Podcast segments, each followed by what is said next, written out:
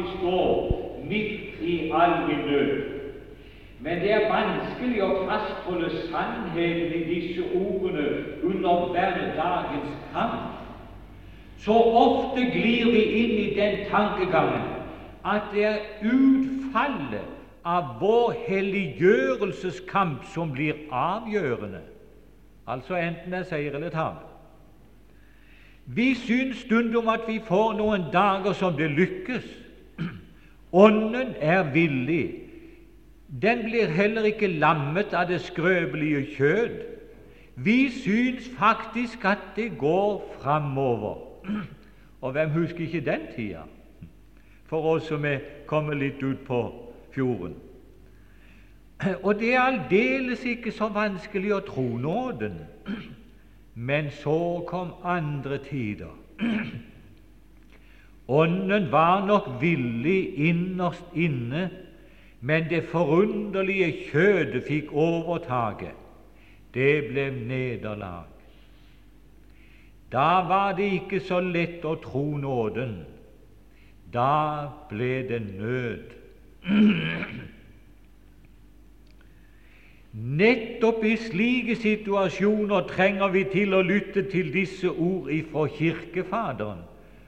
Og Når jeg kommer så langt, så pleier jeg å si det. Nå er jeg glad for at ikke det er meg som er komponert det som nå kommer, men at det er Kirkefaderen, enten det var Augustin eller en av de andre, så lyder det sånn Når du her på jorden kjemper mot en ydre, ganske bestemt synd som det er vanskelig å få bukt med, må jeg tro at den samtidig er tilgitt i himmelen.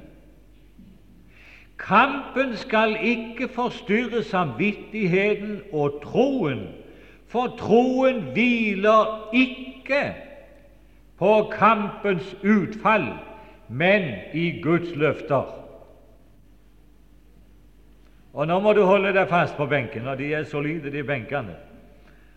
Skal du høre Din frelse gjelder også når du lider nederlag. Du er frelst midt i nøden fordi du har en frelser. Som Rosenius kan også du si holder ikke min kristendom, så holder min Kristus. Takk og lov og pris. Så langt denne andakten. Men eh, som sagt så er det noe vi har bry med hele livet det er nettopp dette med hensyn til at det er utfallet av vår helliggjørelseskamp som blir det avgjørende. Der sniker djevelen seg inn den ene gang etter den andre for å få oss i trelldom og i kjødelige vanskeligheter. Og for det andre så er Satan en veldig tusenkunstner også når det gjelder dette å få mennesket bort ifra Jesus. Å få mennesket bort ifra grunnvollen, den frelse som alt er bygd på. Og så sier han det når du er falt i synd, kanskje ei, to, tre, fem, ti, hundre ganger i den samme synden, så sier han kanskje lenge før du er kommet til hundre nå kan du like så godt gå ut i verden, for det må jo være der du hører hjemme, slik som du er, og sånn som du steller deg. Da er det godt å høre et sånt et budskap, at din frelse gjelder også når du lider nederlag. Gud være lovet. Og hør, hvem av oss kunne berges uten denne sannhet? Ikke én. Ikke én. Nei, heldigvis at vår frelse den er ikke grunnet på vår helliggjørelse og den seier. Den er grunnet på bare én ting, og det er frelsen i den Herre Jesus Kristus. Gudskjelov. Det var det vi skulle se litt videre på her i dag i forbindelse med Jesus som Faderens trell.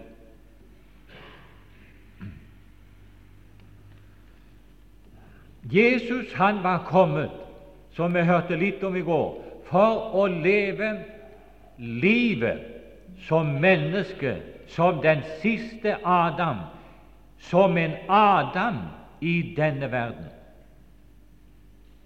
Og Det er ganske eiendommelig å se. Hvor mye ligger i det, det vet ikke jeg. Men det var nevnt også i forbindelse med den første Adam i går at Gud blåste livets ånde inn i hans nese. Og så ble eh, denne Adam, som var dannet av jorden, ble han til en levende sjel. Den siste Adam, når han var ferdig med sin gjerning, så blåste han denne livets ånde ut igjen på korset. Han oppga eller blåste ut Ånden, og så var han ferdig. Og dermed var Gud ferdig med alt som hette prøve for å få skikk på mennesket.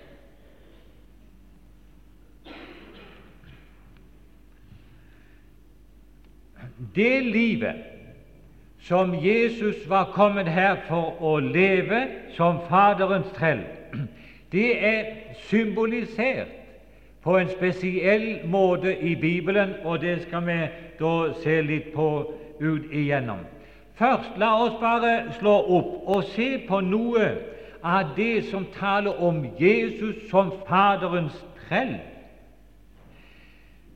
Johannes 1, 29 er jo et svært godt kjent ord. Der er sagt Se der Guds lam som bærer verdens synd. Og så pekte døperen Johannes på Jesus. Han var Guds lam. Og Når det gjelder vår frelse, og når det gjelder Jesu gjerning her i verden, så er det Guds gjerning hele veien. Det er Faderens gjerning som sendte sin sønn, Johannes 3, 16, hele veien. Og det kommer fram i forskjellige steder, som sagt. Matteus 16, 21-23. Og Vi skal lese disse eh, stedene etter hvert for, å, for at det skal være ordet som taler. Matteus 16. Det er når Jesus skulle gå til Jerusalem og lide meget. Så stender det fra vers 21. Fra den tid begynte Jesus å gi sine disipler til kjenne at han skulle gå til Jerusalem og lide meget av de eldste ypperste prestene og de skriftlærde, og slås i hjel og oppstå på den tredje dag. Da tok Peter ham til side og begynte å irettesette ham og sa:" Gud fri deg, Herre, dette må ingenlunde vederfares deg. Men han vendte seg og sa til Peter:" Vik bak meg, Satan, du er meg til anstøt, for du har ikke sans for det som hører Gud til, men bare for det som hører menneskene til. Hva var det i dette tilfellet som hørte Gud til? Det at Jesus skulle gå til Jerusalem. Han skulle lide meget av de eldste og ypperste prestene. Han skulle slås i hjel. Han skulle oppstå den, på den tredje dag. Og så ble han irettesatt. Og så måtte han igjen irettesette Peter og si dette, Peter, er noe som hører Gud til. Nå må ikke du forkludre denne sannheten. Nå må ikke du forkludre dette. Og I en annen oversettelse så heter 'Du legger i snare for meg, Peter', Simon. Dette er noe som hører Gud til, at jeg må gå til Jerusalem og lide og pines og oppstå på den tredje dag. Han var Guds tjener. Og igjen i Filippenserbrevet 2,8 det er samme sannhet om igjen.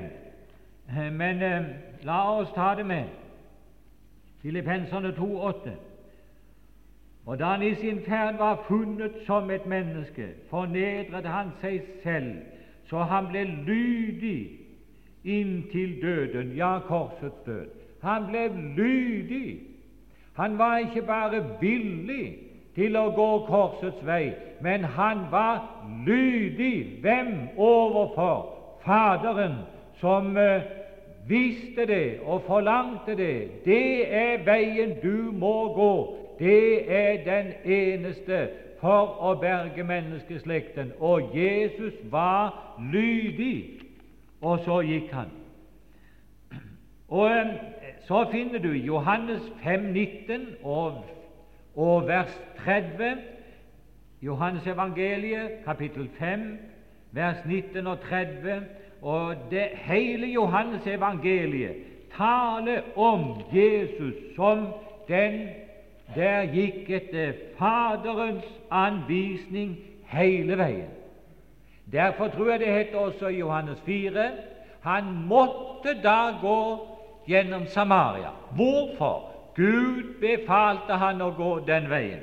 Men i Johannes 5, 19, da står det sånn Jesus svarte da og sa til dem Sannelig, sannelig, sier jeg eder, Sønnen kan ikke gjøre noe av seg selv.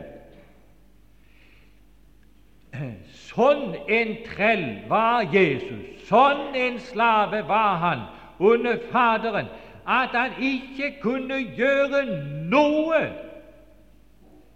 av seg selv. Alt det han gjorde, de skrittene han gikk, alt sammen var bestemt av Faderen. Vers 30 jeg kan ikke gjøre noe av meg selv. Som jeg hører, så dømmer jeg, og min dom er rettferdig, for jeg søker ikke min vilje, men Hans vilje som har sendt meg. Kapittel 6 vers 38. Jeg tar med det òg. For jeg er kommet ned fra himmelen, ikke for å gjøre min vilje, men for å gjøre Hans vilje som har sendt meg. Og vi tar med også 8.28 har jeg notert meg her. Jesus sa da når I får opphøyet Menneskesønnen, da skal de skjønne at det er meg, og at jeg intet gjør av meg selv, men taler det dette således som min Fader har lært meg. Kapittel 12, og så er vi ferdig med det. Kapittel 12, 49. For jeg har ikke talt av meg selv, men Faderen som har sendt meg, han har gitt meg befaling om hva jeg skal si og hva jeg skal tale. Skulle du ha hørt magen til trelleforhold? Ingenting kunne han gjøre av seg selv.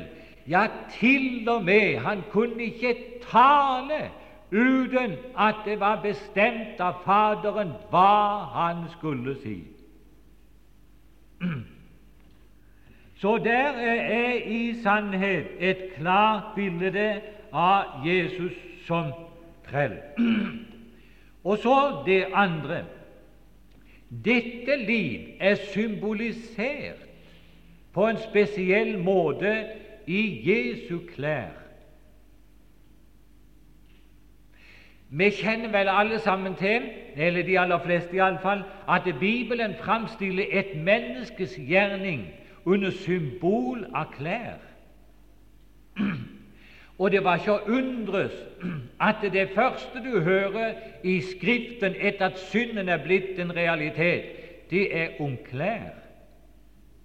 Adam og Eva begynte å hefte sammen klær. Hvorfor det?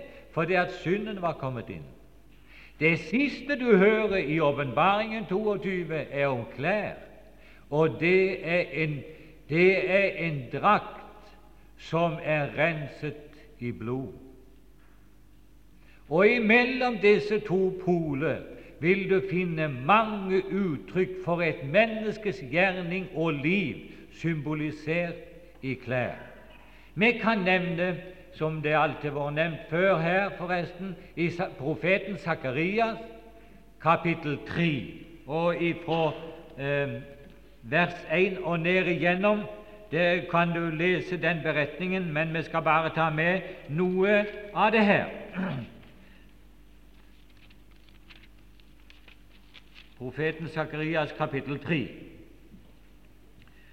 Og engelen, vers 4 Det var nevnt av Bjerkreim her tidligere om han som var revet ut av ilden. Og Josva, vers 3 Og Josva var kledd i skitne klær der han sto for engelens åsyn. Og engelen tok til orde og sa til dem som sto foran ham, ta de skitne klær av ham.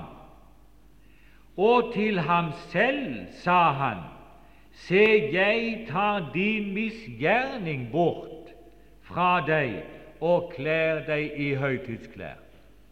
Her er altså skitne klær et symbol på misgjerninger. Når vi eh, så eh, slår opp Esaias 59, profeten Esaias kapittel 59 nå skal vi se verset. Det er etter Det er vers 6. Der taler han om eh, Israels misgjerninger, som er skilt ifra deres Gud, og deres synder har skjult hans åsyn så han ikke ser. Og I vers 6 så heter det det. Deres vev blir ikke til klær, og en kan ikke dekke seg med deres gjerninger.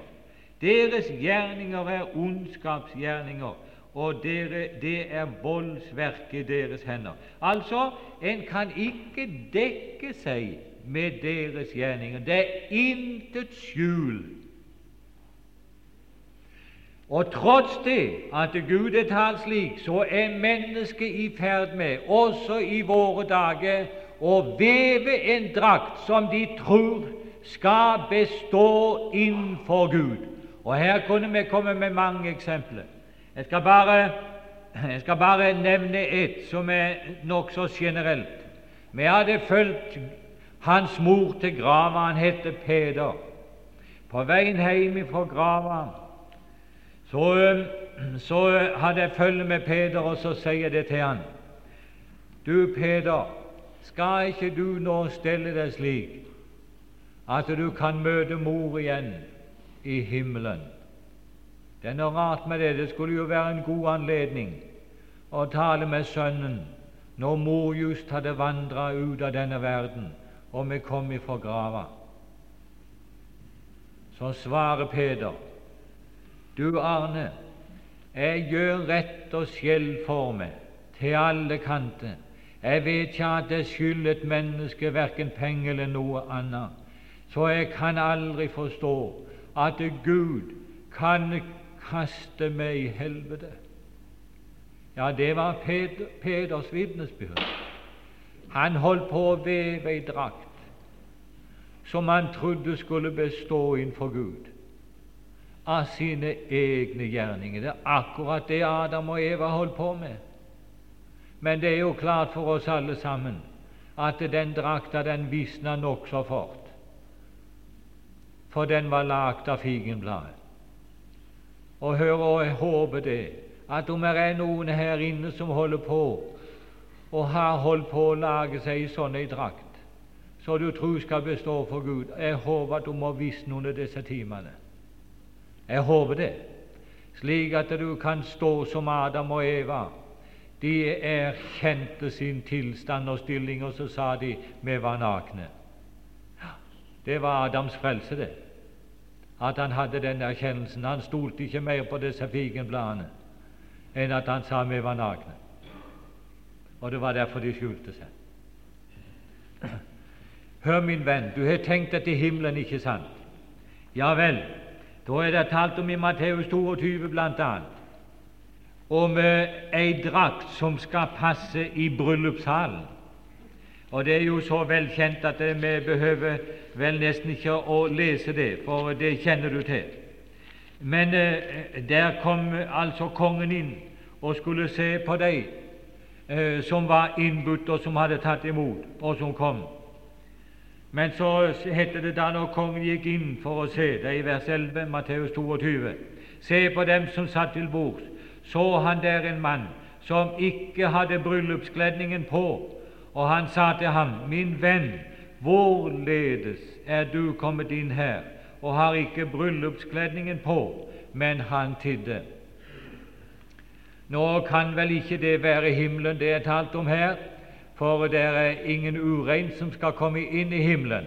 Så det må være et annet sted, og det skal ikke vi komme inn på nå. Men det, vi skal bare se litt på dette, at eh, hvis du og vi vil til himmelen, så må vi jo ha ei drakt å gå i som passer himmelen.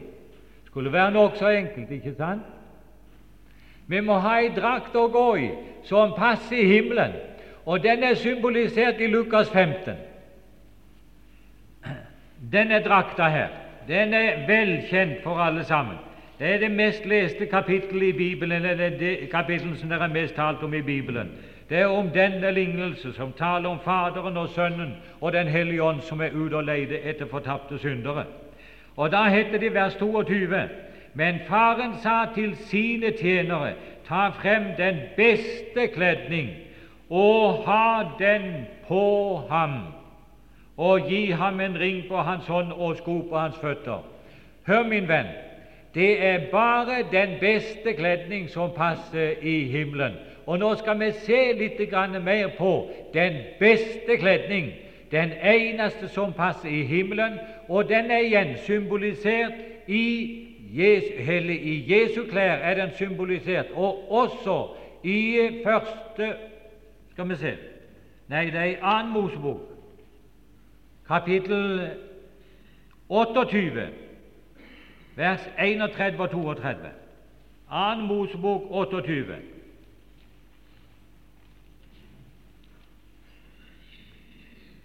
Her er det talt om, om eh, ypperste prestens klær, og de var mange. Og det skjønner vi vel alle sammen, at det var ikke for å stase seg ut at Gud stelte til og, og, og tegnte slike klær for uh, disse som skulle tjene i tabernaklet og senere i tempelet. Det var ikke for å stase seg ut. Jeg vet ikke hvorfor prestene Det er vel et symbol i det prestene går med i dag òg, eh, disse forskjellige kjolene og, og messehagel og alt dette her. Men her var det ganske bestemte hensikter med de forskjellige klær. Og Nå eh, skal vi bare se på én, og det er overkjortelen. Vi vet det at det var i dette kapitlet tales det om ypperste prestens klær, og du vil se det at det der er klær, i vers 2 bl.a., og du skal gjøre hellige klær for Aron din bror, til ære og pryd. Det var klær som var til ære og pryd. Hør nå. Og der var klær som var til tjeneste i helligdommen. Og der var klær som var til tjeneste i det aller helligste. Forskjellige slags klær. Og alle disse klærne symboliserer den Herre Jesus i hans forskjellige gjerninger og oppgave for Gud som mellommann og som frelser. Det er ganske eiendommelig å se at når det gjelder, gjelder brystbåndet, og når det gjelder denne ytre kledningen som han hadde på seg, eh, med, som han skulle, som det står her, de skulle gjøre det kunstferdig. Dette er klær de skal gjøre, en brystduk og en livkjortel og en overkjortel og en ternet underkjortel og hue osv. I overkjortelen der var det heller i, i brystduken og i denne kledning som man skulle ha utenpå alt dette andre, der var både rød og karmesin, eh, karmesinrød ull var, eh, var der. Skarlagensrød og karmesinrød ull. For det taler også om gjenløsning og forløsning. Men når du kommer til overkjortelen som han skulle ha under der igjen, da er den helt igjennom av blå ull. Og hvorfor det? Det finnes ikke et rødt stenk i den. Hvorfor? Fordi at det der finnes ikke det som heter nødvendighet av forsoning ved den drakta der. Fordi det er ingen synd som kleber ved den kjortelen. Og hør nå, min venn, og den kjortelen der er et bilde på Jesu liv og gjerning i denne verden. Vi leser vers 31 og 32. Over kjortelen som hører til livkjortelen, skal du gjøre helt igjennom av blå ull. Midt på den skal det være en åpning for hodet, og rundt omkring åpningen skal det være en vevet bord, liksom åpningen på en brynje, for, de, for at den ikke skal revne. Og vi vet at ypperstepresten, når han skulle symbolisere sin skrekk for synd, når Jesus hadde talt sannhetens ord, så tok han tak i kjortelen og så reiv han den. Symboliserer dette at dette var noe grufullt som han fikk høre og se, og så skulle han rive kjortelen i stykker på denne måten. Denne kjortelen skulle ikke rives. Og Nå skal vi se litt videre på denne kjortelen her, og hva den symboliserer. Den symboliserer i første rekke et himmelsk liv, for den var blå. Du, det er godt for meg å tenke på og vite det. Denne drakta som Jesus her holder på å veve gjennom sitt liv, eller Gud holder på å veve den, det er jo det som kommer igjen i 1. Mosebok 3,21. Gud som gjorde drakter av skinn og kledde dem med. Her er det Gud som er i ferd med å gjøre en drakt gjennom Jesu liv som skal kle syndere. Den drakta var blå fordi at den taler om himmelen og et himmelsk liv. Det er bare det liv som passer i himmelen. Det er intet annet liv som passer himmelen. Om Peder ville komme inn og prøve å komme inn i den drakta han hadde stella til, han ville aldri greie å leve i himmelen. Aldri. Det er bare det himmelske liv som passer himmelen. Og Jesus kom her til verden for å leve himmelens liv i denne verden. Gudskjelov. Den var blå. Det andre, den var hel. Johannes 8, 46.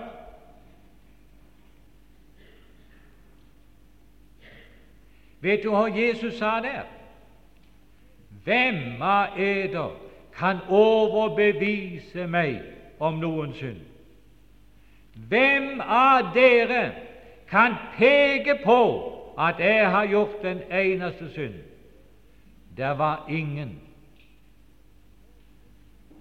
Og Gud i himmelen sørga for at før Jesus gikk ut av denne verden, så skulle Hele verden ha gitt ham det vitensbyrd at det er ingen synd på ham.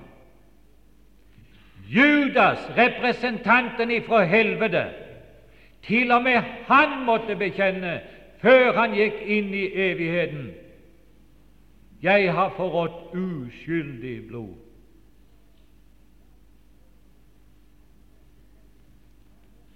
Den romerske høvedsmann, representanten for uh, verdensmakten, han måtte si, når han hørte Jesus dø med et sådant råd sannelig, denne var rettferdig.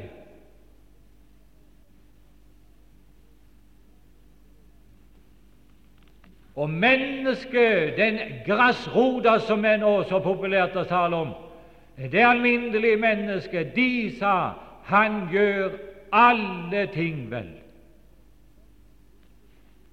Hør, min venn, det er Jesu kledning. Det er den drakta som han eh, eh, gjennom sitt jordliv vevde. Hvis du ser nå tilbake på ditt liv, åssen ser nå det ut? Den drakta som du har gjennom og ved ditt liv, og åssen ser nå den ut? Eh, har du greid å komme til klokka ti over halv elleve i dag uten å gjøre noe som er galt. Åssen er det med det? Åssen er det med tankene dine? Åssen Du falt vel ikke ut med kona før du reiste hjemmefra? Ja, nå Ja, ja, åssen er det? Hør, min venn, begynn å se litt bitte grann tilbake. Hvor langt kommer du før det er noe som er galt? Å, du store tid. Det er vel ikke så mange minuttene bakover du skal se før det er Å nei å nei å galt. Og det du gjorde i går, åssen i all verden så det ut? Og i forgårs. Og mens du har sittet på dette møtet, hvor mange elendige tanker som er gått igjennom din hjerne. Synd og skam og elendighet. Det er det som profeten sa, det er fra hode til fot. Så er det bare sår og buler og friske slag hele veien. Og du kan tro jeg er glad for å bli fri den drakta. Du kan tro jeg er glad for det. Og jeg er glad for at jeg ikke skal ta av meg sjøl. Ta av ham, heter det hos profeten Sakarias. Du, når Jesus sto ved avslutningen av sitt liv og så tilbake, så kunne han si så kunne han si Hvem kan overbevise meg om noen synd? Den siste timen var fullkommen ren. Timen før, dagen før, uka før, måneden, året, hele veien. et himmelsk liv. Ikke én synd, ikke en maske i den drakta som var kommet feil. Alt var rett. Det var et himmelsk liv.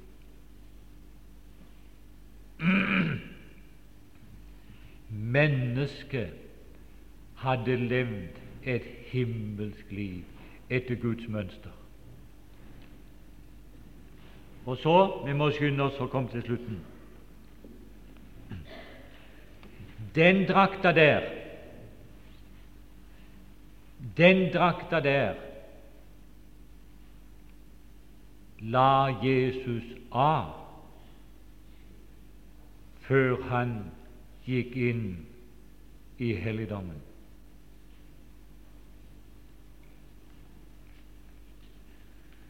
Det er symbolisert i Johannes 13, vers 1 og følgende.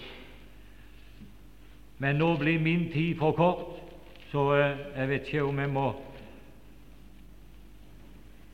ta det opp i en annen time. Hvis jeg får fem minutter til, så tror jeg nesten jeg skal greie det. Det er et ganske eiendommelig avsnitt av Guds ord. Og hør, før jeg leser det, så vil jeg bare ha sagt det om dette ordet her. At det, i Johannes 13 forgriper Jesus begivenhetenes gang eh, ca. tolv eh, timer eller noe sånt.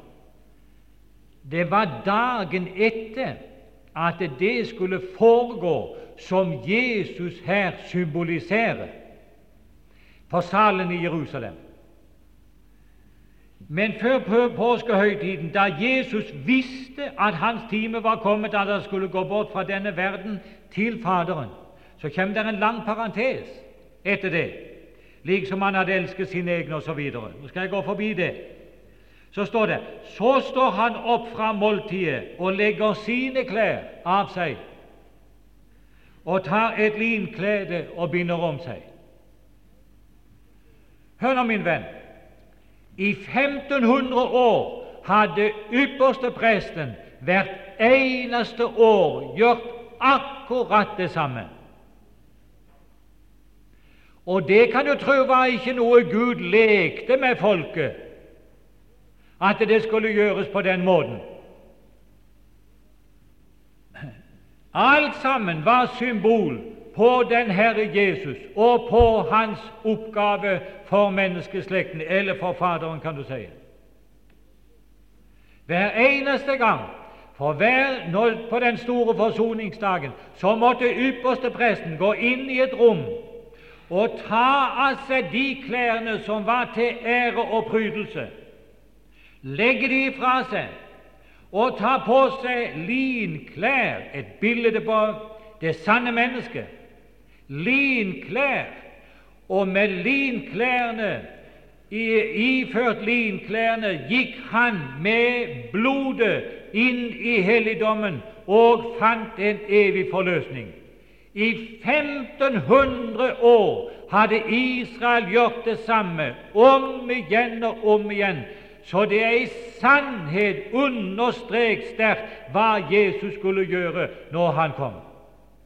Derfor heter det her han la sine klær av seg, og så bandt han et linklede om seg, og så begynte han å vaske disiplenes føtter. Hør nå. Det Jesus gjorde her, der forgriper han begivenhetenes gang i noen timer. Dette er et symbol på hva Jesus skal gjøre neste dag på Golgata.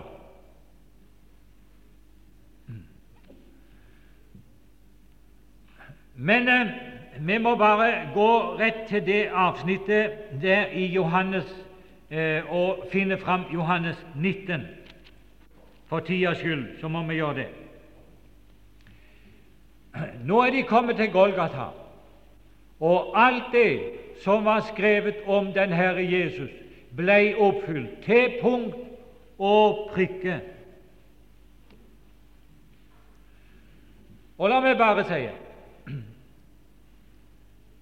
at det er tale om to i Jesu liv, to store uttømmelser, eller som Filippenserbrevet 2,8 sier, fornedrelse. Den ene foregikk i himmelen, da han uttømte seg selv for å være Gud lik, og tok en tjenerskikkelse på seg idet han kom i menneskers lignelse. Og så heter det videre der i i Filippenserbrevet 2. Og da han i sin ferd var funnet som et menneske Hva slags menneske? Som Guds mønstermenneske, som Gud ville ha et menneske. Fullkommen. Elsker Gud over alle ting. Elsker sin neste som seg selv. Det var Guds mønster. Og her var mennesket den Herre Jesus, som hadde levet det livet. Når han var funnet som et sådant menneske at til og med Gud i himmelen måtte si det 'Dette er min sønn, den elskelige, i ham har jeg velbehag'. Hva gjorde så Jesus? Da kommer den andre uttømmelsen.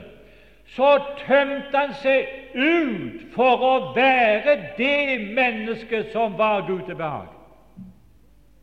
Han la ifra seg den drakta, han la ifra seg det livet som han hadde levet, det fullkomne livet. Og i sannhet, 2. Korintier 8,9, der blir det sant. Og det er et ord som jeg aldri kommer til bunns i, selv om Arnold har talt om det to kvelder her, eller nevnt iallfall to kvelder. Vi kommer aldri til bunns i det ordet der at han for eders skyld ble, eller kan vi si gjorde seg fattig da han var rik. Han var rik på herlighet hos Gud. Han var rik på menneskeliv. Han var rik på Guds velbehag. Alt dette tømte han seg ut for, og la de fra seg alt når han skulle gå inn i døden. Det er symbolisert i den blå drakta her, som han la ifra seg før han begynte å vaske disiplenes føtter. Og det var noe han skulle gjøre på andre sida av forhenget. Men altså, han forgriper begivenhetenes gang litt her. Men nå er de kommet til Golgata, og da heter det om den blå overkjortelen som Jesus måtte, eh, måtte legge ifra seg på Golgata. Og nei, for et ord! Men og da når stridsmennene hadde korsfestet Jesus, tok de hans klær og delte dem i fire deler. Én for hver stridsmann. Likeså tok de kjortelen, men kjortelen var usydd, vevet fra øverst og helt igjennom. Da, da sa de til hverandre, la oss ikke rive den i stykker, men kast lodd om hvem som skal ha den, for at Skriften skulle oppfylles, som sier de delte mine klær imellom seg og kastet lodd om min kjortel. Det gjorde da stridsmennene. Og hør nå Jeg tror de får uh, Vi får koste på uh, litt bitte grann uh, seinere med frikvarter, men jeg må ha med dette til slutt. Ser du for deg Jesus henger der på korset? Under korset sitter det fire stridsmenn og nå er de kommet til kjortelen. Hva skal de gjøre med den? Reiv de den i stykker, skar de den i stykker, så var alt ødelagt? Nei, det er klart de kunne ikke det. Den var profetisk. Det var talt om den i salmene. Så kastet de lodd. En av soldatene fikk flest øye på terningene og, og fikk denne kjortelen. Ikke lenge etterpå så tar de hver sin bylt med klede de får avløsning. Der kommer fire nye vakter, og så reiser de tilbake til kasernen. Og det er klart det første denne mannen gjør som har fått Jesu kjortel, det er å hive av seg bandoleret og den romerske krigsdrakta som han gikk med, og så prøve om kjortelen passte, den som han hadde vunnet. Og når han fikk han på, så passet han akkurat, som om, som om han var vevd til han, og han var det. Den var lagd til han. Hør, min venn, kan du da tenke og bruke fantasien bitte grann? Når han hadde fått på seg denne kjortelen her, så er det klart han måtte ut og vise seg. Hvor skulle han gå hen? Det var så lite folk i gatene. Folket var på Golgata, og ut igjennom er han ut til Golgata. Når han kom ut igjennom der, så får han øye på disse tre korsene opp på hodeskallen. Og så henger der en på det midterste korset. Så får han se denne soldaten som bare noen timer før hadde spigra den Herre Jesus fast til korset, så blodet spruta. Han hadde sikkert fått blod på seg, denne mannen, men nå var det vaska av. Der kom den samme krigeren opp igjennom hodeskallen. Og så får han på det midterste kors øye på denne mannen i en blå kjortel. Og så ser han det er min kjortel. Da vender han seg til himmelen, og så råper han det er ferdig. Nå er ferdig. Jeg har lagd en drakt som mennesket kan bestå i, og som passer i himmelen. Den første som var den drakta, var en kriger som bare noen timer før hadde spigra Jesus til korset. Og hvilket symbol på et menneskes frelse. Det er den drakta profeten Esaias taler om i kapittel 61 og vers 10. du har kledd meg i frelsens kledebånd, i rettferdighetens kappe har du svøpt meg. Gud har kledd meg. Gud har kledd min venn, og drakten du skal gå i himmelen, det er den drakta som Jesus tilveiebrakte som menneske. Gudskjelov, kjære Jesus, vil du åpne våre øyne, at vi må se hvor rike vi er. Amen.